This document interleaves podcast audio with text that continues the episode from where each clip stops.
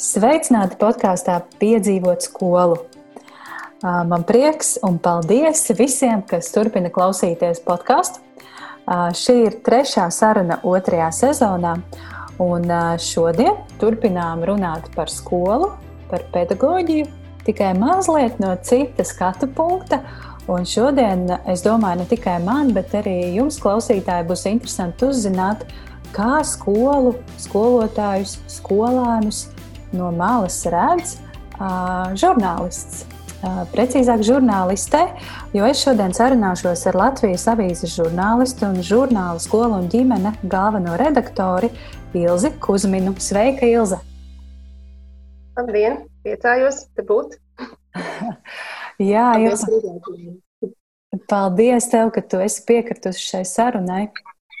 Un es domāju, ka mēs ne tikai parunāsim par skolu un pedagoģiju, mēs noteikti arī virtuāli izšķirstīsim jauno žurnālu, kas, nu, es gribu teikt, ka ir vēl pavisam jauns, kaut kas svaigs, kaut gan tu noteikti padalīsies ar savām atmiņām un, un savu stāstu, kā arī tavā bērnībā. Šāds žurnāls ar šādu nosaukumu ir bijis jau.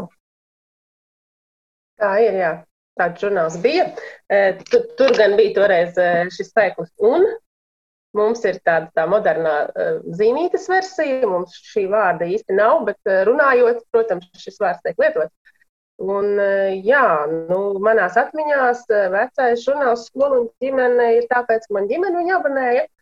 Un, jā, vienmēr patika palasīt gan par to, kā klājas citām ģimenēm, gan tur vienmēr bija beigās kaut kādas situācijas apraksts un, un cilvēku komentāri par to, tas man interesē. Nu, protams, tā kā tajā, tajos gados es vēl biju bērns, um, drusku vēlāk tāds gandrīz pusaudzis, tad tādi dziļi pedagoģiski raksti man neinteresē, bet uh, zinu, ka pedagogiem tas bija tolaik ļoti nozīmīgs žurnāls un, un, un ceru, ka arī mūsējais žurnāls būs tikpat nozīmīgs gan skolotājiem, gan arī ģimenēm, kas audzina skolas vecumu bērnu. Mm -hmm. Es pati žurnālu ieraudzīju augusta beigās un uh, uzreiz arī iegādājos. Un uzreiz sajūs, sajūsmā rakstīju tev, uh, vai mēs varam aprunāties, jo man likās lieliski, ka ir šāds žurnāls, uh, jo Latvijā nemaz tik daudz tādas uh, nu, specializētas uh, informācijas pedagogiem nav. Kaut kas ir, bet uh, ir labi, ka ir vēl. Uh, Un, jo vairāk mēs runājam par, par pedagoģiju, par dzīvi skolā, jo, manuprāt, tas ir labāk. Un tas to perspektīvu tikai paplašina. Šajā žurnālā ir ļoti laba intervija ar psiholoģi Baibu Martinsoni, kurā, kurā viņa saka, mm, skolā jāiemāc ne tikai rēķināt, bet arī dzīvot. Ilze pastāsti, ko tev skola iemācīja? Tad, kad tu vēl mācījies skolā, kā tu to atceries un uh, kā tas bija? Nu, man šķiet, ka tajos laikos, kad es gāju skolā, tomēr uh, dzīvot skolā īsti nemācīja. Nu, vairāk mācīja tiešām tos uh, priekšmetus, matemātiku, latviešu valodu un tā tālāk un tā joprojām. Uh, ja nu varbūt bija kaut kādi pedagogi, varbūt bija skolu direktori, kuriem tomēr šķita svarīgi nodrošināt arī jauko mikroklimatu skolā, tad viņi droši vien kaut ko darīja. Jo es pati esmu mācījusies divās skolās, un eh, vienā tas mikroklimats man nepatika, bet otrā man ļoti patika. Un negribētu domāt, tas bija tā nejauši. Uh, nu, iespējams, ka jau tajos laikos bija skolu direktori, kuri uh, spēja nodrošināt kaut kā nemanāmāk, bez šādām, nu, bez šādām programmām, kā ir mūsdienās, to, ka skolēni nekaujās, skolēni nepārāk eh, viens otru apvaino un apstāvkā. Eh, nu, jā, tas bija tiešām, tiešām uztītoši, ka vienā skolā bija dažādi kautiņi, un otrā skolā trījiem gadiem es neredzēju nevienu kautiņu. Un, un nebija arī tādi kaut kādi izstumtie bērni manī. Tā kā jā, bet tas, ka šobrīd ir šis uzsvers uz to, ka skolā ir jāiemāc arī dzīvot, saprasties ar citiem, es domāju, ka tas ir ļoti pareizi, jo bez tā mēs tiešām dzīvē nevaram. Eh, iztikt. Un, ja mums ir jāmācās visu mūžu pašiem, pamazām kaut kā jākrāj šī pieredze, tad mēs varbūt tās eh, saprasties ar citiem iemācāmies mūžu nogalē tikai, un tad jau tas ir tas, pa vēlu. Labāk uh, ir šīs savstarpējās attiecības veidot, mācīt jau skolas laikā. Mm. Tā kā virziens noteikti ir pareizs, un, un cik es skatos, man meita mācās 7. klasē, Nu, var jau būt, ka arī viņai vienkārši paveicies tāda skola, tāda klase. Un, protams, ka ir konflikti kā jau bērniem, bet arī nav tādas, nu, tādas kaut kādas milzīgas problēmas tīri skolas un klases mikroklimatā. Un es domāju, ka tam nu, ir nozīme tomēr tam, ka bērniem arī mācās šīs sociālās zinības, ētika, kādreiz mācīja no pirmās klases. Nu, ka vairāk tiek runāts par to, ka mums visiem ir jāmāk sadzīvot, un mēs visi esam pelnījuši cieņu. Tas ir ļoti pareizi. -hmm. Un kā ar žurnālistiku, kā, kā tu nokļuvi uz šī ceļa, cik liela ietekme tajā visā ir bijusi skolai? Droši vien kādai latviešu skolotājai varbūt. Jā, tā tiešām ir. Tad, kad es mācījos Mārupas vidusskolā, tas varēja būt nu, 7. 8. klase, mēs rakstījām sacerējumus, un, jā, un bija latviešu skolotāja Ines Tone, kur pie viena šī sacerējuma pierakstīja tādu tā kā Um, nu, savu viedokli par to, ka tev piemīt labas novērošanas spējas, un iespējams, tev vajadzētu būt žurnālistai.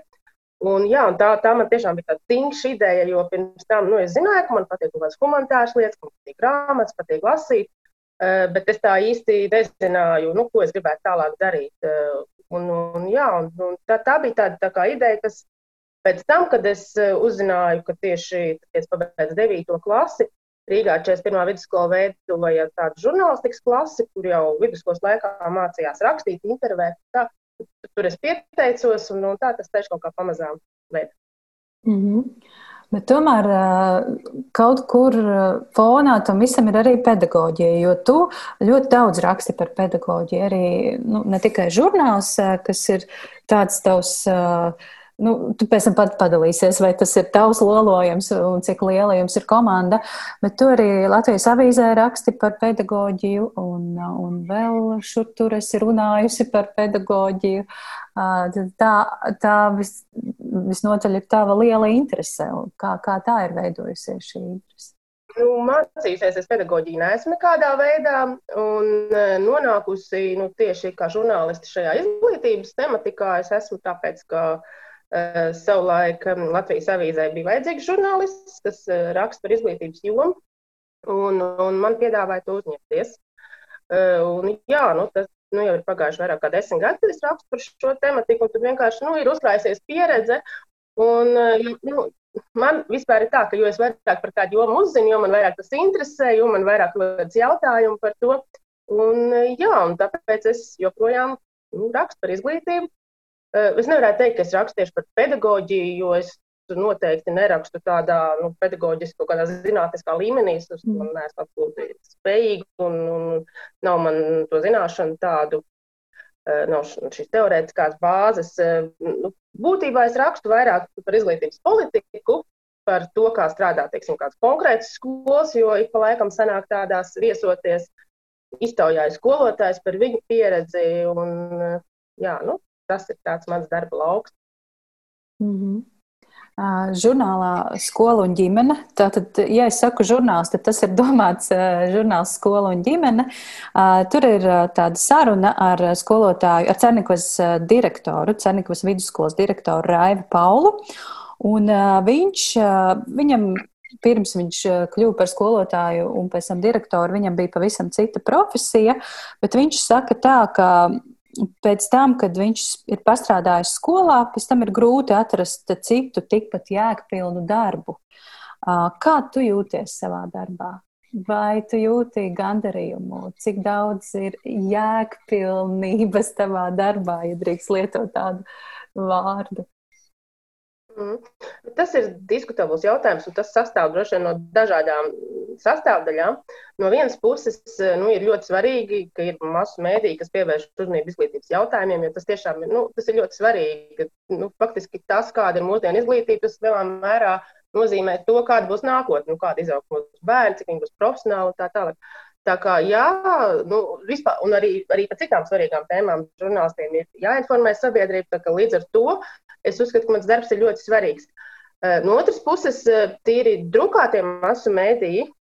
Nu, nav noslēpums, ka tos lasēs vien mazāk. Cilvēki ir pieraduši gūt informāciju par brīvu internetā, eh, vai skatīties kaut kādas tele, televīzijas pārraides, klausīties tos pašus podkāstus, nevis nu, sēdēt un lasīt. Un, nu, un tad dažkārt, protams, jā, uznāk tāda, tāda depresīva sajūta, ka kā tu dari, bet vai tas vispār kādam ir vajadzīgs? Um, uh, nu, jā, tā kā esmu ik pa laikam pārdomās par to, bet, nu jā, tajā pašā laikā es nevaru iedomāties sabiedrību, kurā nebūtu žurnālisti, kuri neinformētu sabiedrību par svarīgām norisēm. Un, un, tomēr masu mēdīji ir attīstījušies tā, ka ir arī drukātā prese, un arī šī interneta mēdīja daudz ko smaļāk no drukātās preses, tā kā bez tās tomēr nevar. Mm. Bet, eh, jā, nu, es no otras puses piekrītu, ka skolotāja darbs, nu, tas, tas, jā, nu, tas, tas ir viss pamats, kā saka skolotāji, un uh, ārsta profesijas ir vissvarīgākās, man nevar noliekt. Jā, man šķiet, ka tas ir arī. Direktoram es pilnīgi piekrītu. Jā, tu, tu raksti arī žurnālā ievads lejā eh, šo te teicienu ārstu kļūdas aproga, bet skolotāja kļūdas dzīvo. Kā jā, ārsti un skolotāji, bet uh, nevar noliegt arī jebkuras profesijas nozīmību un svarīgumu. Un galvenais, lai mūsu sirds tur ir iekšā un šķiet uh, man, cik es redzu, šis žurnāls skola un ģimene, manuprāt, ir lielisks, lielisks darbs.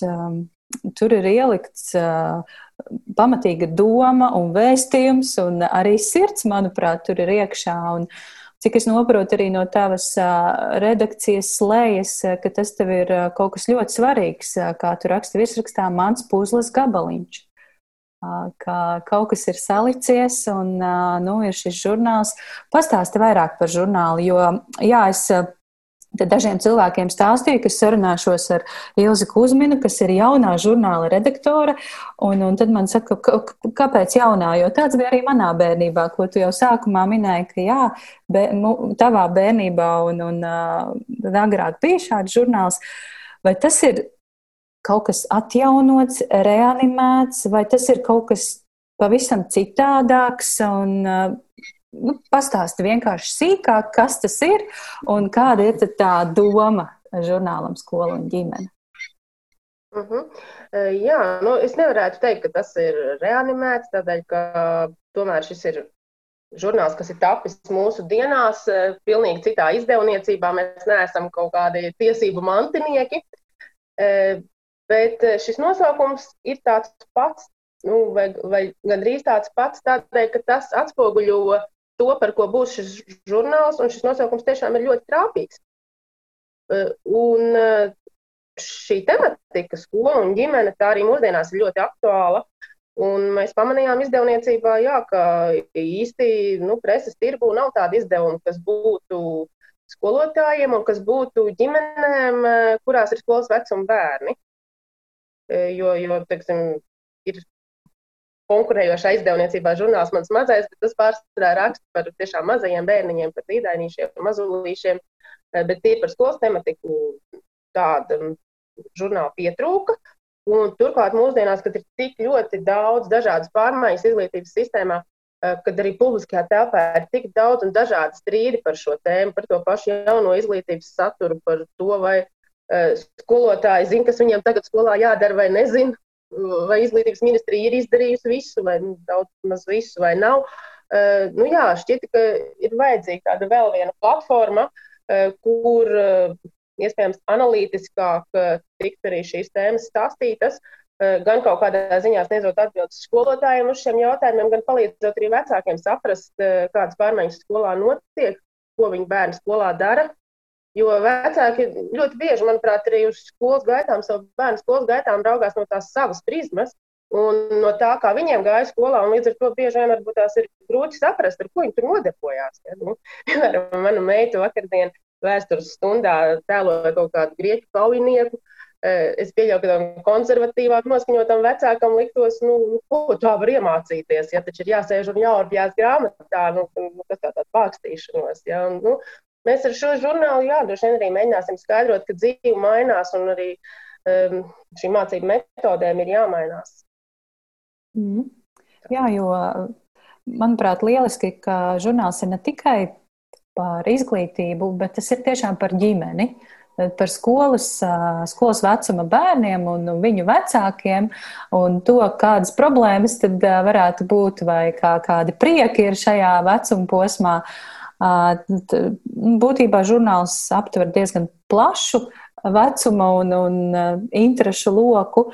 Un tiešām tur ir šī, daudz lasāmā gan pedagogiem, gan arī vecākiem. Un, ja vēl kāds nezina par šādu žurnālu, tad steidziet, man liekas, ka tas ir iegādājums visos preses kioskos, visās preses pārdošanas vietās, arī lielveikalos esmu manījusi. Meklējiet, jautājiet un noteikti pērciet un lasiet. Kāpēc, kāpēc tieši šobrīd? Kāpēc tieši šobrīd šis žurnāls ir uh, dzimis, atdzimis un jā, parādījies? Nu, tā doma izdevniecībā Latvijas mēdī, ka vajadzētu šādu žurnālu jau bija apmēram kādu gadu, varbūt pat vairāk. Nu, droši vien tas, šī ideja radās arī tāpēc, ka, kā jau es sacīju, ir tik daudz šo pārmaiņu, bieži vien ir daudz neskaidrību, un arī šī izglītības joma, viņa varbūt mūs, mūsdienu brīvības apstākļos eh, nu, arī izglītība vairs nav tāda tik klasiska, ka viņā ir tik dažādi aspekti, tiek dibinātas privātas skolas, eh, ir skolas ar dažādiem novirzieniem. Un, nu, jā, šķiet, ka ir ļoti svarīgi uh, to atspoguļot, parādīt, lai cilvēki uzzinātu, piemēram, arī, kad vecāki domā, kādā skolā laiž savu bērnu, viņi bieži vien ir absolūtā neizpratnē, ja, un, un teiksim, ja mums izdosies parādīt uh, kaut kādas dažādākas skolu pieejas izglītības procesam, arī tas vecākiem var palīdzēt eh, pieņemt šos lēmumus. Uh, nu jā, kā jau es minēju, arī no izglītības politikas uh, viedokļa ir daudz pārmaiņu, kas satrauc sabiedrību. Un, un es domāju, cilvēkiem ir vajadzīga uh, tāda pārdomātāka, vispusējāka informācija par izglītības procesiem nekā ir bijis līdz šim. Un arī um, nu, faktiski tā jau ir bijis visu laiku, ka ģimenēs un bērnu un vecāku attiecībās ir dažādas problēmas. Bet mūsdienās par to runā varbūt ar vien vairāk, ar vien vairāk cenšas saprast un, un risināt šīs problēmas. Un, un tāpēc šis žurnāls ir arī par ģimenes psiholoģiju, par to, kā vecākiem reaģēt dažādās situācijās, eh, attiecībās ar bērniem, kur meklēt palīdzību. Eh, Jo, nu, jā, kaut vai tagad, pēc šī Brūklas mūža gadījuma, ir ļoti daudz diskusiju sabiedrībā par to, ko darīt ar grūtajiem pusauģiem. Un es ļoti ceru, ka šis žurnāls tur regulāri būs arī psihologu padomi. Nu, varbūt tie palīdzēs kādam vecākam nu, nenonākt tik tālu, lai viņam būtu šis grūtais pusaudzis. Jo, protams, nav tā, ka ir brīnišķīgs bērns un vienā rītā viņš pamostās kā grūtais pusaudzis. Un vecākiem ir vajadzīga šī audzināšanas padoma, par to esmu pilnīgi pārliecināta. Un, jā, un ceram arī tajā ziņā palīdzēt. Mm. Jā, es pilnībā piekrītu. Jebkurš kvalitatīvs materiāls, informācijas avots noteikti var būt kā, kā palīdzība, kā glābiņš. Un, vienkārši laba, labs izziņas avots tālākai izaugsmai. Kā tu pati redzi vispār izglītību, izglītības sistēmu Latvijā, pedagogus? Tev ir, tu teici, tev ir arī meita, kas mācās septītajā klasē. Kādus redzi skolēnus, kā viņi jūtas skolā? Jā, pastāsti par savu skatījumu, redzējumu, un varbūt ne kā žurnālisti, bet vienkārši kā mamma. Nu, es droši vien mēģināšu savienot, tomēr, ko es esmu redzējusi, iepazīstinājusi kā žurnālists, un ko es redzu kā māma.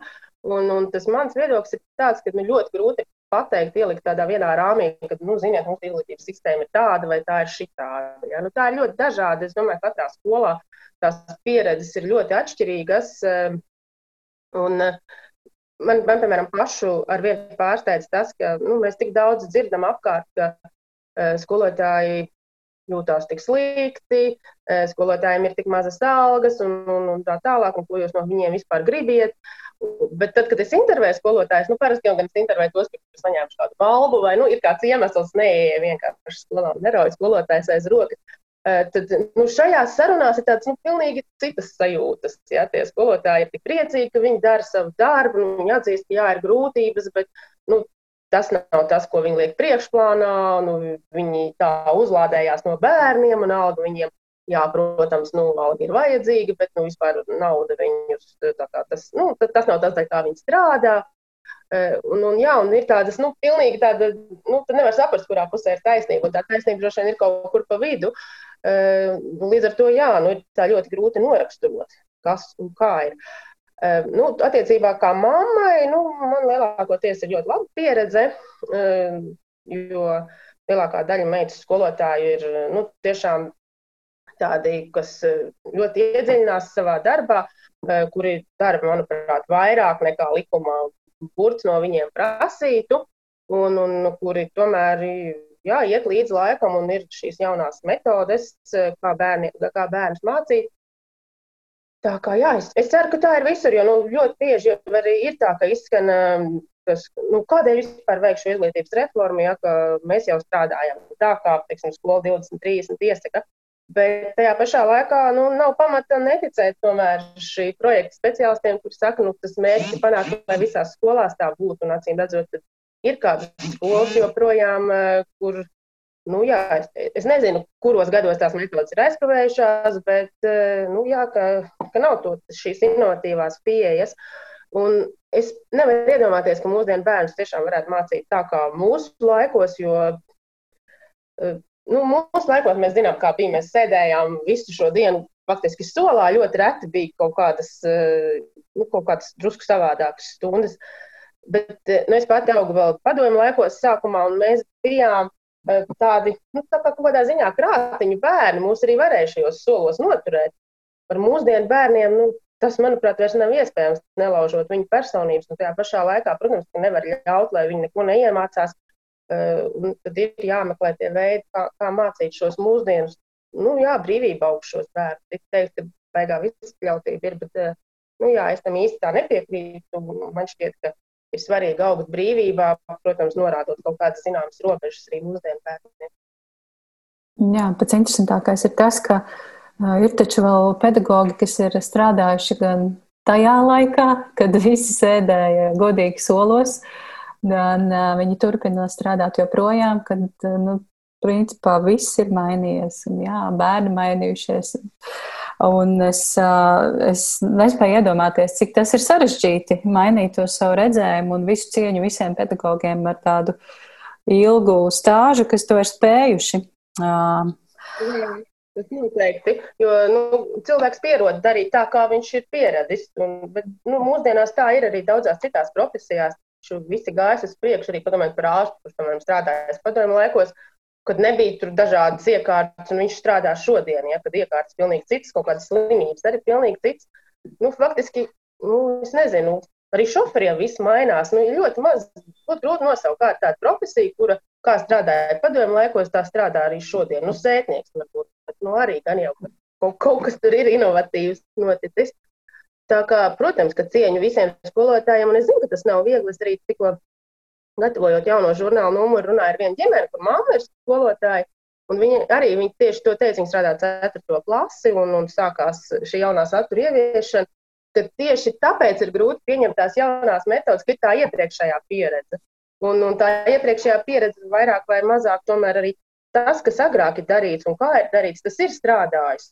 Un tad šķiet, nu, un kāpēc man no tā atteikties, ja tas tā kā strādā. Bet nu, ir zināms arī, ka tomēr arī jaunā satura ieviesēji saka, ka, ja metodas strādā, nu, nevajag no tām atteikties. Vienīgi paraudzīties, varbūt kaut ko dažādu pielikt klāt, un varbūt tas jaunais strādās vēl labāk. Mm. Jā, jā.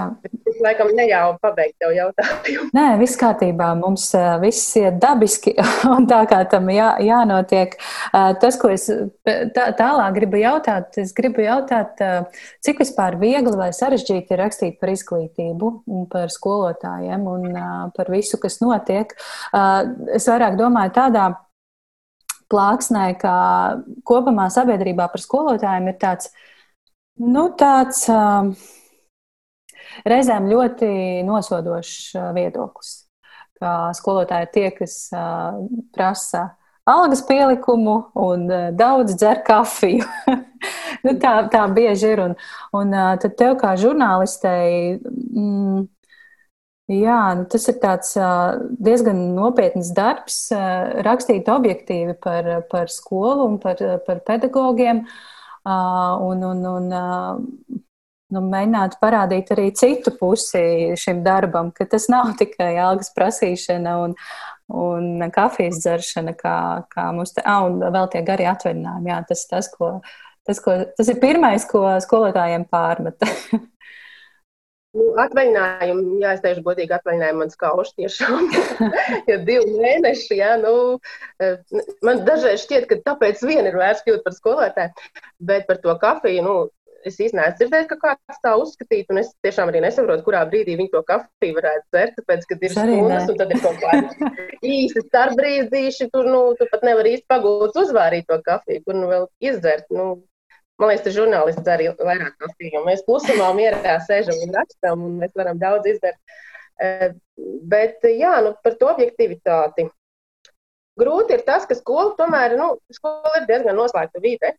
Un, piemēram, ja tur ierodās žurnālists, tad eh, nu, lielākā vai mazākā mērā ir skaidrs, ka tajā brīdī eh, mēs jau, nu, tas, kas mums tiek rādīts, tas ir tāds tā kā, nu, Eh, zināmā mērā kaut kāds teātrītis. Ne, nu, ne jau tā, ka tur mums apzināti kāds kaut ko melo, bet nu, tas vien, ka tur ir šis svešais cilvēks, tas jau to mikroklimatu izjauc tajā konkrētajā brīdī. Un nu, sevišķi es varētu to attiecināt uz mazākumu tautības skolām, jo, piemēram, ja kādreiz latviešu skolā tur ir kaut kāda intervija un man vajag parunāt ar skolēniem, tad uh, kaut kā diezgan brīvi pie viņiem var tikt klāt. Eh, bet savukārt mazākuma tautības skolās bieži vien var redzēt, ka atrod tos labākos no labākajiem, kur nu, noteikti nepateiks neko lieku. Viņi jau tur ir iepriekš samācīti, viņi sēž tādi taisni un, un, un cenšas runāt ļoti pareizas lietas. Eh, un, nu, jā, tad ir skaidrs, ka tur ir objektivitāte tajā momentā ir kā ir. Eh, un vēl jau, jā, nu, vēl ir tas, ka man šķiet, ka nu, no kurienes tas varētu būt radies, ka skolotāji ir tādi ļoti iebaidīti. Ne, nu es redzu, ka ir tā sabiedrības jā, reakcija un attieksme pret pedagogiem nu, ir tāda, tāda, ka no viņiem prasa, manuprāt, vairāk nekā no daudziem citiem sabiedrības locekļiem. Bet, piemēram, man sen jau, kad meita gāja sākuma skolā, bija tāda situācija, ka tas kā mammai, bet tas, tas man lika izdarīt arī kaut kādas secinājumus kā žurnālistei. Eh, respektīvi, no skolas eh, visi bērni pirms Ziemassvētkiem tiek vest uz baznīcu. Nu, kaut tā ir parasta pašvaldības skola. Un uz baznīcu viņi tika vesti diezgan agri, un um, mēs nolēmām, ka bērns paliks tomēr pagulēt, un pēc tam ies uz skolu pēc tās baznīcas. Un man sacīja, ka, nē, ja bērns neiet uz baznīcu, bērnam ir jābūt skolā. Un es teicu, ka tā ir reliģiskā diskriminācija. Tad, ja es neesmu kristietis, man ir jāsēž stundā. Ja es esmu kristietis, es varu nesēdēt stundā. Bet es to teicu kā joku, bet skolotāji pilnīgi nobalēja. Bet, ne, no, labi, nevediet, nevediet viņu tajā rītā uz skolu. nu, tas man tā lika domāt, ka.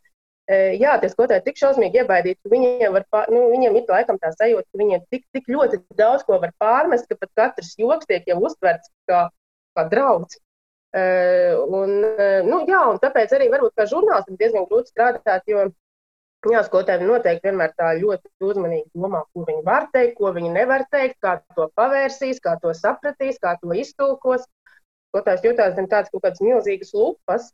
Mm -hmm. Un eh, vēl kā žurnālistam ir ļoti grūti tas, ka patiesībā izglītības sistēma ir tādā birokrātiskā ziņā, viņi ir ļoti samudžināta. Un, eh, piemēram, ļoti grūti ir citreiz saprast, nu, cik tie skolotāji pelna. Jo bieži vien arī, kad vaicā kaut kādiem skolotājiem kaut kādās demonstrācijās, ja, vienmēr par, par slodzi tik, par slodzi tik, bet es jau gribu zināt to nu, reālo, nevis tas, kas ir par slodzi. Un tad rodās tas iespējas, jā, nu, kāpēc kaut kas tur ir jāslēpj. Tā kā, mm, un, un arī visa tā, nu, atalgojuma aprēķina sistēma tiešām ir tik ļoti sarežģīta, ka tur bieži vien nu, grūti saprast, Eh, kā tad finansējums šajā jomā tiek tērēts. Un, un zināms, ka katra skola diezgan brīvi var lemt, un varbūt no vienas puses tas ir pareizi, tāpēc, ka direktors jau labāk redz, cik kurš strādā. Bet no otras puses, tur uzreiz ir eh, tik daudz iespēju dažādām neobjektivitātēm. Eh, jā, tā kā rakstīt ir tiešām grūti, un arī tāpēc, ka nu, tā ir tik plaša tēma. Tur ir gan, gan šīs pašas finanses, gan metodoloģija, uh, gan cilvēciskās attiecības, eh, jā, ka nav, ka nav viegli. Nu, piemēram, man liekas, par kriminālistiku kaut kādā ziņā noteikti vieglāk rakstīt, tāpēc, ka tur ir skaidrs, tur ir, eh, nu, ir sliktie, ir labie. nu, varbūt tās nav tik viegli noziegums atklāt, bet nu, tur ir tādas skaidras lomas visiem. Mm. Tā, jā. Nedaudz pasūdzējos, ka nav viegli. Nē, viss, viss ļoti interesanti. Jā, tas, tas, kā tu to redzi. Jo, jo mēs atkal, nu, es saku, mēs, es nesen pati vēl biju skolotāja, vairs neesmu. Bet uh, mums atkal ir tā sava, savs redzējums un sava sajūta, un tev ir pilnīgi, tais, pilnīgi taisnība, manuprāt, par ie, iebiedēšanu. Un varbūt esi uh, lasījusi Mārim Bērziņam ir tāds uh, romāns aizliegtais pienīts, kas ir gan par bērnu dārza vidi, bet tur ir tik precīzi aprakstīta šī birokrātija. Un tas, kā, kā nu, pedagogs, skolotājs, viņš ir tik ļoti savažots visos papīros un atskaitēs un nedodies kaut ko ne tā izdarīt. Un, un tik, tik spilgti aprakstīts, kā šī bērnu dārza direktora burtiski sajūta prātā no tā visa, kas tur notiek. Un, Un, jā, šī, šīs, tā tas ir. Tā iebiedēšana, mēs esam iebiedēti, bet es domāju, ka tas varētu mainīties. Cerams, bet redz, kā visāds pārbaudas jau nāk un nāk un, un bez sava gala. Un jebkurā brīdī kāds var pasūdzēties, un mēs pat nenojaušam, kurš, kurš skolotāja izteikts teikums var aizskart kādu skolēnu vai vecāku visādi var sanākt. Jā, jā, jā un ir zināms, tagad kaut kādas drusku pieklusis, bet tad, kad uh, tikko parādījās tā, tā saucamie likumības grozījumi, tad, manuprāt, vispār skolotājiem bija sevišķi grūti saprast, uh, gan kādus literāros darbus viņi var uh, dot, gan kādas filmas klasē rādīt, un nemaz nerunājot par bioloģiju skolotājiem, kuriem jāizlēm savu radāt saturu, stāstot par reproduktīvo sistēmu, tā ka tikai neviens nejustos kaut kā, es nezinu, aizskarts vai, vai ka kāds vecāks to pārāk neuztrauktos.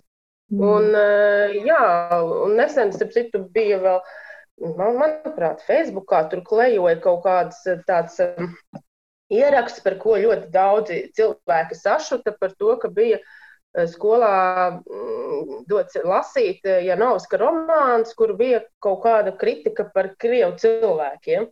Nu, tad sanāk tā, ka nu, skolotājiem pirms vispār ieteikt kādu romānu, viņam ir jāiet uh, cauri ar lupu šim romānam un jāmeklē, nu, ka tikai tur nebūtu kaut kas, kas kādu varētu aizvainot. Kaut tas ir literārs darbs, nevis kāds objektīvs apgalvojums. Mm. Tā kā jā, es piekrītu, ka sarežģīti tas viss. Līdz, līdz absurdam, absolūti līdz absurdam brīžam mēs aizējam. Bet tā, tāds ir tas valsts darbs, vai ne?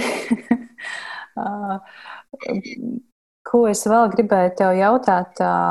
Jā, es, es atcerējos par šiem zilajiem baloniem, ko skolotāji kādā protesta laikā palaida gaisā, un kāds tur bija, kāds tur bija troksnis par to, un cik daudz pārmetumu skolotāji saņēma, un, un kā, kā viņi tika kaunināti, kā, kā viņi piesārņo zemi. Kaut gan, protams, nu, stāsts varbūt par ziliem baloniem, bet būtība jau bija pavisam cita visam tam protestam. Un, un žēl, žēl, ka kaut kā tas fokus tika novirzīts uz, uz otro plānu. Uh, bet es nezinu, vai tie vienmēr tā ir mēdīja vaina. Citreiz tas varbūt tas ir vienkārši tā, ka nu, kaut kādi sabiedrības pārstāvji izsaka viedokli, jā. kaut tajā pašā Twitterī vai Facebookā, un citi sāk komentēt, un tā tas ritenis aizveļās. Jo, jā. Nu jā, vispār jau svarīgāk ir pievērst uzmanību protesta būtībai. Mm. Kaut, nu, šoreiz, jā, nu, nu, ir, tas, tas bija vairāk sabiedrības, kā tu saki, Twitter viedoklis, un, un tur bija tas lielais troksnis, ne tik daudz medijiem, nē. Um, tu teici, ka nu, jau tiek gatavots nākamais žurnāla numurs. Uh, Pastāsti, kā tu izvēlējies tēmas. Tu esi tas galvenais cilvēks, galvenais redaktors, un uh, tu droši vien teikt, pārzini apmēram visu, kas notiek un kas tiek gatavots. Kā, kā tiek izvēlētas tās tēmas, kas būs žurnālā un kas nebūs? Nu, vismaz pateiktu, pirmo žurnālu, ka to mēs veidojām tā kā vairāk tādu ceļvedi, pirms bērns sāk iet skolā. Nu, ne, ne jau tikai septiņgadnieks, bet vispār, ja jebkurā klasē. Bet tur mēs skatījāmies vairāk tās tēmas, kas saistās tieši ar šo jauno mācību gadu. E, tagad uz otro žurnālu tādu vienu fokusu ir grūtāk atrast. E, bet nu, tagad es vairāk koncentrējos uz to, ka, lai tomēr būtu kaut kas lasāms arī pedagogiem, vairāk tīri tādā profesionālā ziņā, nevis tā, ka viņiem interesē, teiksim, vecāku viedoklis vai kā, bet tādā tīri profesionālā ziņā. Tāpēc tur būs, piemēram, raksts par to, kā, kā tad skolās mācīt drāmu, un, un šo rakstu rakstīs praktizējoši skolotāji, kur pat ir izgājuši šos kursus, un viņi skatīsies gan kā iet viņai, gan kā iet vecākiem. Kādēļ, teiksim, šāda tēma? Nu, tādēļ, ka tas ir viens no šiem jaunajiem priekšmetiem, kas ir ienācis, un es domāju, ka mēs tā secīgi numurā no numura iziesim cauri visiem šiem jaunajiem priekšmetiem, arī jaunajai vērtēšanas sistēmai. Lūk, un tad, jā, nu, ir kaut kāda daļa rakstu, tad, ko žurnāls ir ik pa diviem mēnešiem, nu, viņam ir jābūt kaut kādā ziņā arī aktuālam. Un tad, tad atkal skatos arī, lai būtu kāda aktualitāte, kas ir svarīga ģimenei. Tad, tad tur atkal plānots ir raksts par to, kur ģimenei meklēt atbalstu tādās krīzes situācijās, ar pašiem grūtiem pusauģiem vai arī citās situācijās, piemēram, kad nu, nu, nomirst kāds tuvinieks, ja, un tas bērnam ir liels nu, satraukums. Nu, tā, jā, es skatos, gan kas ir aktuāls šajā dotajā brīdī, lai būtu raksti par to, gan kas ir aktuāls ilgākā laika posmā. Un, un, un tādā veidā izvēlos šo tematiku. Mm. Tā kā jā, grūti tā pateikt, tas noteikti mainīsies no žurnāla uz, uz žurnālu. Un, Jā, ah, un tad, piemēram, tāpat ir aktuāli šobrīd tā tēma par, par skolēnu ēdināšanu, jo, jo tur saistībā ar to Covid tur īsti nevar saprast, kā, kā, kā šī ēdināšana notiek. Tad arī raksts par to. Nu, nu, tādā veidā. Mm. Tā ļoti, tiešām ļoti grūti pateikt vienu recepti, pēc kuras tiek izraudzīti raksti. Jā, un skatāmies, lai būtu, būtu ko lasīt gan šiem skolotājiem, gan ģimenēm. Mm. Gan būtu psiholoģija, gan pedagoģija līdzsvarā. Tu, principā, esi iekšā nākamajā numurā, kas iznāks kad oktobrī vai novembrī? Tas būs eh, novembra, tad, oktobra, novembra numurs, bet iznāks oktobra beigās. Mm -hmm. Un uh, cik daudz atceries no pirmā numura? Tas droši vien ir jau tādā mazā migliņā aizslīdējis. Es atceros ļoti daudz, tāpēc, ka Nu, tas tiešām tā, nu, ja es šo žurnālu zinu tā kā no galvas, tad es viņu joprojām zinu no galvas. Varbūt tad, kad būs uh, tieši tie pēdējie mirkļi līdz jaunā žurnāla nodošanai un, un būs ļoti intensīvs tas darbs, uh, jā, nu tad varbūt tās pirmais uh, numurs aizies kaut kur kaut kādā zemapziņas plauktiņā vairāk vai mazāk. Bet šobrīd man viņš vēl ir ļoti svaigā atmiņā. Nu, Pastāsti, ka, kas tev no šī žurnāla pašai šķiet tāds ļoti, ļoti vērtīgs no šī pirmā numura? Nu, man pašai, man patika tas, ka ir sadaļa, man ir ko teikt, kur ir dažādi viedokļi, gan skolēnu, gan skolotāju, gan vecāku par nu, dažādām tēmām. Un tas arī parāda to, ka ka katra, katrs mēs redzam vienu lietu atšķirīgi. Un uh, lieliski, ka katram ir savs viedoklis, un uh, labi, ka tas ir pamatots. Vēl man patika intervija ar Baibu Martinsoni, ko es jau pieminēju.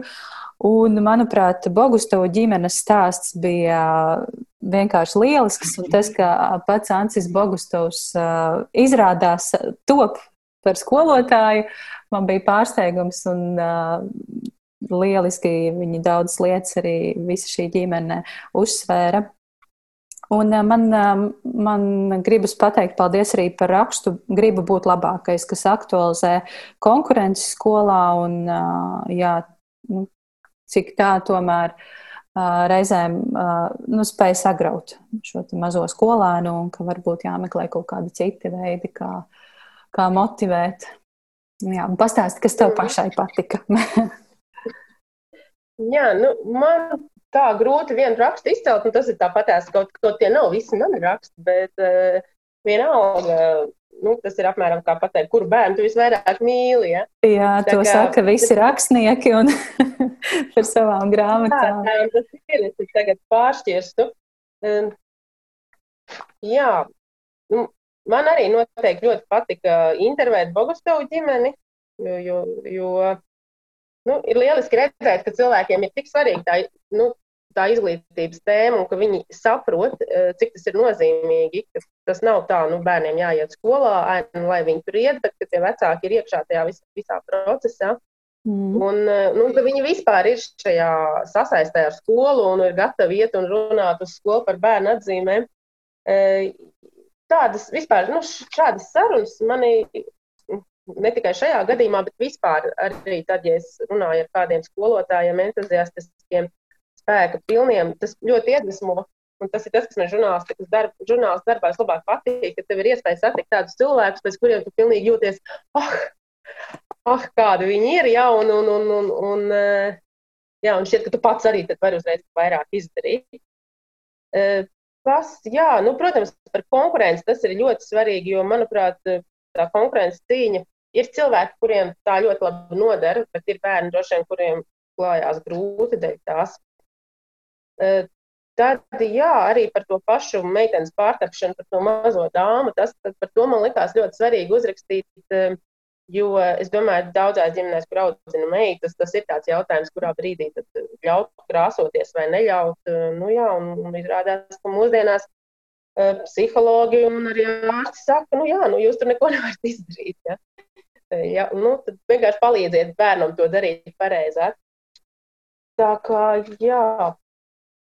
Ah, un vēl man patīk tas, ka, un to mēs ceram turpināt, ka tur be, beigās ir tas stāsts no dzīves, tas ir kā publicistisks raksts, kur nu, netiks minēts arī turmāk tur konkrētās personas, jo ir vienkārši kaut kādi stāsti, ko varbūt eh, negribās tā publiskot ar vārdiem un uzvārdiem, bet eh, gribās uzrakstīt par to, eh, nu, lai, lai parādītu kaut kādas norises sabiedrībā.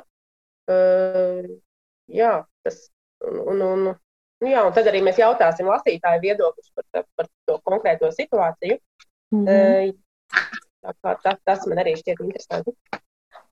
Jā, bija tas stāsts iz dzīves, ja, kur, kur me, meitenē gadījās. Jā, tikt izmestē no skolas jā. tieši pirms eksāmeniem. Tā kā, jā, nu, tas, tas arī ir tāds, kur es domāju, gan skolotāji, gan vecāki var padomāt par to, par sodu samērību arī.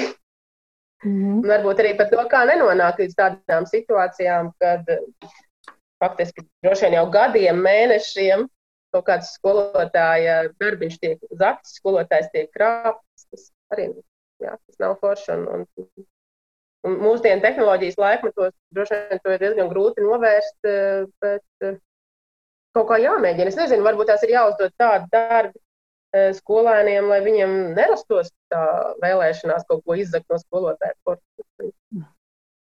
Jā, tur, tur tas stāsts bija jā, par, par pārbaudas darbu, kur, kurš regulāri tika izzakts no skolotāja portfelīša un nofotografēts un pārsūtīts. Un, jā, nu, bet tā notiek, tā ir pilnīga realitāte, tā, tā notiek.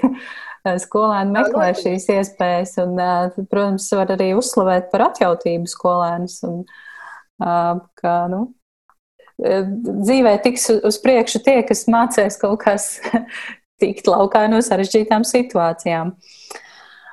Klau, jā, bet, nē, es vienkārši gribēju teikt, ka, jā, kad, nu, man, piemēram, nešķiet, tas ir pareizākais veids, kā pārbaudīt skolēnu zināšanas ar nu, nemitīgiem iknedēļas pārbaudas darbiem. Nu, jā. Mm. Drīzāk varbūt tur jāuzdod kaut kāds eksperiments vai kaut kas tāds, ko nu, skolēni nu, iepriekš nevarētu zināt, un viņiem tad šīs savas zināšanas nekas cits neatliek, kā parādīt darbībā. Mm -hmm redz, kā mēs jau te sākām diskusiju. tā kā visi klausītāji arī pērciet žurnālu un pašās, pašās beigās tur ir rakstīņš lasām laiks un raksts arī gudrinieci pārskatās un to var izlasīt un tad uzrakstīt savu viedokli uz ēpastu norādīt to. Kā jums liekas, kā būtu pareizāk rīkoties šajā situācijā? Bet tas, ko es gribēju jautāt tev, Ilze, vai tev varbūt ir sanācis pašai pabūt skolā kā, nu, kā žurnālistei, bet kaut ko pamācīt skolēniem? Pastāstīt par savu Nē. profesiju? Nē. Nav, nav man bijusi tāda pieredze. Varbūt vēlētos. Man liekas, tas būtu ļoti interesanti. Un, uh, tu esi padom, domājis par to, ko tu kā žurnāliste uh, varētu iemācīt skolēniem. Nu, droši vien es varētu runāt par to, kā izmantot, nu, kā filtrēt informāciju, nu, šo pašu saucamo mēdīju praktīvu. Par to es noteikti varētu runāt. Jā. Mm -hmm. Nu, vēl, kā, nu, tīri kā žurnāliste, nu, es pat nezinu. Rakstīšanas kaut kādus knifus pastāstīt. Nu, rakstīšanas knifu droši vien, ja, ja tas viņiem ir svarīgi, jo mūsdienās jau rakstīšanas kvalitātei reti kurš vairs pievērš uzmanību. Uh, rakstīšanas knifus, jā, es nezinu, es varētu kādā skolā vadīt uh, sienas avīzes veidošanu vai kaut ko tam līdzīgu. Burvīgi, jā, tā kā, ja kāda skola klausās, lūdzu. Ilze ir zināšanas un, un, un varbūt arī vēlme kaut ko tālāk nodot. Uh, jā, es uh, lasot žurnālu, domāju par to, kā šo žurnālu varētu izmantot arī praktiski skolā. Un uh, tad man te ir dažas idejas, varbūt tev arī kaut kāda ideja būs, Ilze. Uh, es domāju, ka šo uh, latviešu valodā māca viedokļu rakstu, rakstīt tad, vied, savu viedokli, izteikt. Un šo žurnālu noteikti var izmantot, lai um, parādītu dažādu viedokļu rakstu, rakstu piemērus, jo tātad, kā jau es teicu, te ir viedokļi gan skolotāji, gan pedagogu, gan skolēnu viedokļi par kaut kādu tēmu. Un tad skolotāji droši var ņemt tos tekstus. Es ceru, ka droši, ja, kopēt drīkst žurnāliem, kā tur ir ar tām autortiesībām. Uh, Pa kādai lapai jau droši vien drīkst. Jā, nu, jā. Nezinu, man tā grūti pateikt. Viņa nedrīkst tā pārpublicēt bez atsauksmes, bet, uh, lai izmantotu stundās, nu, nu droši vien, ka, ka drīkst. Jā. Mm. Nē, nē, es ļoti iedziļinājusies autortiesībās, bet uh, man šķiet, ka jā, nu, zinot, kā rakstus uh, pārpublicē, tas, nu, es domāju, ka izmantošanas stundās diez vai kādu saprastu. jo tas netiek darīts kādos peļņas nolūkos. Noteikti ne peļņas nolūkos, bet tiešām mācību nolūkos, viedokļa raksta apgūšanai. Kas ir viedoklis, kā, kā mēs izsakām viedokli un kā, kā to pamatot. Un tad šeit bija ļoti labi piemēri. Tos var meklēt žurnālā. Žurnāls noteikti var nu, kā, radīt diskusijas par ļoti dažādām tēmām. Mēs jau nu pat ar tevi diskutējām. Uh, var šo te, eh, šo te rakstu par, par mm, nofotografēto pārbaudas darbu audzināšanas stundās, ētikas stundās, ja tādas vēl ir, eh, lasīt un, un ar skolēniem pārunāt. Uh, un te noteikti ir vēl ļoti daudz diskutējumu tēmu, pārunājumu par kaut vai par ēdienu. Te bija lielisks raksts par, par ēdienu, ko bērnam dot ēst un ko labāk nē. Uh, Un atkal, ja mēs dabas zinībās, vai varbūt tajā pašā audzināšanā, vai veselības mācībā ir kaut kāda tēma par ēdienu un ēšanu un ēšanas paradumiem, tad šo rakstu var izmantot un veidot savus, savas ģimenes ēdienu receptes un, un, un nu, to sārakstu, ko mēs ģimenē ēdam un kā ēdam, un palasīt, ko, ko saka eksperti, zinātāji. Tad noteikti uh, man ļoti patika tavs raksts par vasaras brīvdienām, par vasaras ceļojumu. Un es zinu, ka nu, labi, septembris jau tagad ir jau pusē un tuvojas noslēgumam, bet parasti Gada sākumā visiem skolāniem ir jāraksta domāraksts par, par savu vas, vasaru un kā tā pagājusi. Bet kāpēc gan nevarētu uzrakstīt tādu ceļojumu aprakstu ar bildēm vai, vai izveidot pat prezentāciju ar bildēm un šo stāstījumu veidot tādu interaktīvāku, krāsaināku, aizraujošāku? Un jā, šeit žurnālā, be, žurnāla beigu daļā ir uh, Ilza tavs raksts akmeņainais ceļš gar jūru, kur tu apraksti, kā tu ar meitu ar velospēdiem brauc nu, pa vidzemes jūrmalu. Ļoti interesants raksts, starp citu, ļoti daudz praktisku padomu, un te ir gan par ēšanu, gan par gulēšanu, gan par laikapstākļiem, gan par to, ko ņemt un neņemt līdzi un likt somā. Visādas interesantas lietas, un ja skolēnam iedot šādu rakstu kā piemēru, kādam vajadzētu būt ceļojumu, stāstam par ceļojumu vai vasaras brīvdienām, tad viņam ir mazliet nu, skaidrāka, manuprāt, tā doma, ko no viņa grib. Ja te pasaka tikai uzrakstiet tagad sacerēm vai domrakstu par savu vasaru, tad es pati atceros, kā man bija. Es sēdēju un domāju, bet manā vasarā jau nekas tāds nenotika. Uh, nu tā. Meita bieži vien tādos domārakstos uzraksta, kas ir noticis pēdējās divās nedēļās. Tāpēc, kad visu vasaru iekļaut, jau īsti nav iespējams šajā domārakstā. Nu, sevišķi mazākajās klasēs ir mm. ierobežots vēl vārdu apjoms. Tā kā, jā, nu, paldies par ieteikumiem. Es domāju, jā, ņemiet un izmantojiet. Par ēšanu es gribētu piebilst, ka tur bija ne tik daudz ko dot ēst, bet ko bērns pats var pagatavot. Un, jā. Tādā ziņā varbūt tās arī, nu, piemēram, šajās pašās mājturības un tehnoloģijas stundās bērni bieži vien gatavo ēst un citreiz gatavo arī grupās skolotāju uzraudzībā kaut ko sarežģītāku, bet varbūt kādreiz būtu vērts viņiem iemācīties kaut ko, nu, ko viņi katru dienu arī ikdienā atnākot, nu, katru dienu nē, bet, nu, regulāri esot vieni paši mājās, var pagatavot. Uh, jā, nu, es domāju, tā kā skolā ir šīs sociālās zinības, ļoti daudz ko var izmantot.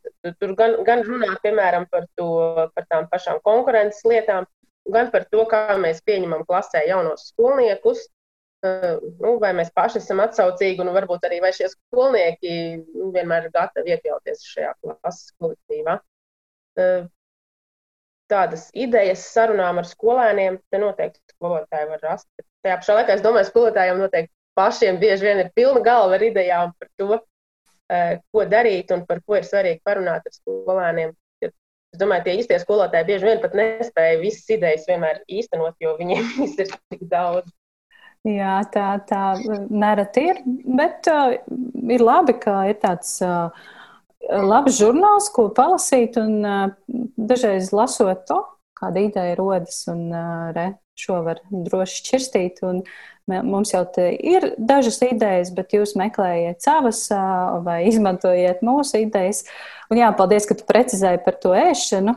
Tā tiešām, jā, tas raksts ir par to, ko tad tas mazais skolāns pārnākot mājās pats var pagatavot. Un burvīga ideja, kā tagad to mācību priekšmetu sauc, dizains un tehnoloģijas. Jā, dizains un tehnoloģijas. Jā, es nepareizi pateicu, joprojām ierasti, ka ir māja turība. Jā, jā, jā jāpiedomā pie šiem jaunajiem nosaukumiem, bet nekas, ka jau arī tie aizies tāpat kā savulaik bija fiskultūra un tagad sports. Un, tā. Jā, bet man joprojām gribās dažreiz teikt fiskultūra vai darbmācība, kaut kā tas, kas bija manā laikā, nu, tā ir iesēdies galvā, ka, ka grūti to nosaukumu jā, mainīt. Mm -hmm. Un vienmēr atcerēties, ka jāsaka pareizais jaunais nosaukums. Mm. Un, uh, Ilza, ja gadījumā mūs klausās kāds uh, skolēns vai students, kas sapņo par žurnālista profesiju, ko tu varētu viņam pateikt, ieteikt, uh, rosināt? Kas būtu tas, ko tu gribētu, kādus ceļavārdus tam uh, topošiem žurnālistam pateikt? Kas viņam būtu jāņem vērā? Mm. Nē, nu, es viņam gribētu teikt, ka jā, kaut es arī teicu, ka grūti mūsdienās strādāt uh, drukātajā presē. Uh, tomēr ir arī dažādi citi mēdīju veidi, un katrā ziņā nu, žurnāls, žurnāls profesija ir ļoti svarīga, jo sabiedrībai ir nepieciešama objektīva, visaptveroša informācija. Un es noteikti ieteiktu daudz lasīt, labas grāmatas, lai būtu labs vārdu krājums un gramatikas zināšanas, jo nu, vismaz man joprojām traucē. Man ir tāds profesionālais kretīnisms, ja kaut ko lasu, vai arī, skatos eh, televīzijas raidījumus, nepareizas gramatiskas formas, tas, kas tagad tās ļoti bieži saka, ar septembri būs tas un tas, piemēram, nu nevar latviešu valodā teikt ar septembri, no septembra vai septembrī. Vai man pat tracina, ja pārāk daudz atkārtojās vietas un tas pats vārds un nav sinonīmi izmantoti. Eh, tā kā es domāju, jā, lai kvalitatīvi strādātu žurnālistā, ir jābūt plašam vārdu krājumam un, un ir jābūt šīm gramatikas zināšanām. Tad, ja šķiet, ka uh, mūsdienās jau sociālajos tīklos visi raksta kā rakstu, un tad līdz ar to bez gramatikas var iztikt, nu nav tā. Nu, jo vairāk mēs kopsim savu valodu, jo tomēr tā būs dzīvot spējīgāk un skaistāk, un nevajag to apzināti noplicināt. Uh, vēl es varu tādu konkrētu aicinājumu izteikt. Mūsu žurnālā ir šī sadaļa vārds pusauģiem, Un vispār tur ir doma, ka šajā rubrikā pusauģi intervēs pusauģus. Un tātad, ja ir kāds jaunietis, kas vēlētos piedalīties nu, šīs sadaļas veidošanā un nointervēt šos savus nu, vienaudžus, uzdodot viņiem kādu aktuālu jautājumu, nu, tad droši lai sazinās ar mani, rakstot uz e-pastu skola ģimene at Latvijas mediju.clv. Mm -hmm. Tas e-pastiņš ir arī žurnālā, tur arī var atrast, un tur arī ir šis aicinājums. Uh, viens jauneklis man jau ir pieteicies, bet uh, nu, man būtu labāk novākt tādu drusku lielāku komandu, lai man būtu ar ko rēķināties uz katru numuru. Mm -hmm. Ja mūsu dzirdējāt. Ja mums ir skolotāji, praksa publikācijas, tā kā, Jā. tā kā tas ir, nu, tad iegūst papildus punktus tie, kuriem ir bijušas šīs publikācijas. Mm. Un, ja mums dzird kāds skolotājs, kuram ir aktīvi skolēni, ka, kuriem patīk rakstīt, tad iesakiet, iesakiet šo iespēju. Meklējiet žurnālā, šķiet, pašās beigās kaut kur bija tas, tas, tas aicinājums rakstīt un piedalīties žurnāla veidošanā. Tu minēji, ka jālasa daudz labas literatūras. Varbūt tev ir kaut kas iesakāms. Man, man ļoti interesē grāmatas un lasīšana. Ko tu varētu ieteikt? Kas ir tas, ko tu pēdējā laikā varbūt esi interesanti izlasījusi? Jā, nu šobrīd es lasu ļoti interesantu grāmatu, bet ļoti smagu. Tā ir Baltkrievijas rakstniece Aleksējevičs grāmata Sievietes karā. Uh, Nu, tīri valodas ziņā varbūt tās tur, tur nav daudz ieguvumu, jo, jo tur ir tāda cilvēka stāsta apkopot, un, un šie cilvēki runājuši diezgan vienkāršā valodā, un turklāt tā ir tūkotā literatūra. Tā no latviešu rakstniekiem, nu, kas manī pēdējos gados varbūt tās visvairāk iespaidoja, tas bija Noras Ikstens mātes piens. Tā nav ļoti jauna grāmata, bet tā ir pēdējo gadu. Un Ko vēl es varētu minēt? Um, nu jā, daudz ko jau es lasu, kas ir tūkotā literatūra. Mm, un, un visa tā klasika ir kādreiz jaunībā izlasīta, tagad cenšos lasīt kaut ko jaunāku. Uh, bija, tāda nesen lasīja ļoti labu krievu grāmatu, krievu autors grāmatu Lazars sievietes, bet man ir aizmirsusies uh, autori, diemžēl. Tā kā grūti tā, tā uz sitienu atbildēt. Uh, nu, nevar ieteikt vienu grāmatu patiesībā lasīt. Ir jālasa daudz visu laiku, un, un, un, nu, lai attīstītu valodu, un es domāju, lielā mērā arī, lai attīstītu iztēli un radošumu. Jā, tā kā tādu vienu ieteikumu izlasēt šo, un tad jau pietiks. Lasīt tādu es nevaru pateikt. Tā kā, jā, nu, vēl var piebilst, ka man meitai bija jālasa tagad uh, vasarā ieteicamā literatūra nāves sēnā, un es domāju, nu, ka bērns to nelasīs. Bērns vispār diezgan maz lasa, un, tā, un, un tieši nāves sēnā viņa tā aizraukā, gan arī neviena cita grāmata. Viņa nāca pie manis vēl diskutēt par šo tematu. Un, jā, nu tā kā klasika mūžam ir dzīva, tu to noteikti var ieteikt. Mm. Jā, nāves sēnā. Tas arī, šis darbs arī man ir viens no uh, Spilgtākajiem dzīvē izlasītajiem es atceros, kad es pamatskolā to izlasīju pirmo reizi. Es ļoti, ļoti pārdzīvoju, un tas bija, tas bija tāds, jā, liels pārdzīvojums šis, šī novele. Uh, nu, ko, Ilza? Mēs esam parunājušas par tevi, par žurnālu, par skolēniem, par skolotājiem. Es tev gribu teikt paldies par šo sarunu, bet pašās, pašās beigās, tā kā šis, šī saruna tiks publicēta svētdienā, un varbūt, liela daļa arī to noklausīs, noklausīsies svētdienā, es gribētu, lai tu pasaki kādus spēka vārdus skolotājiem jaunajai nedēļai.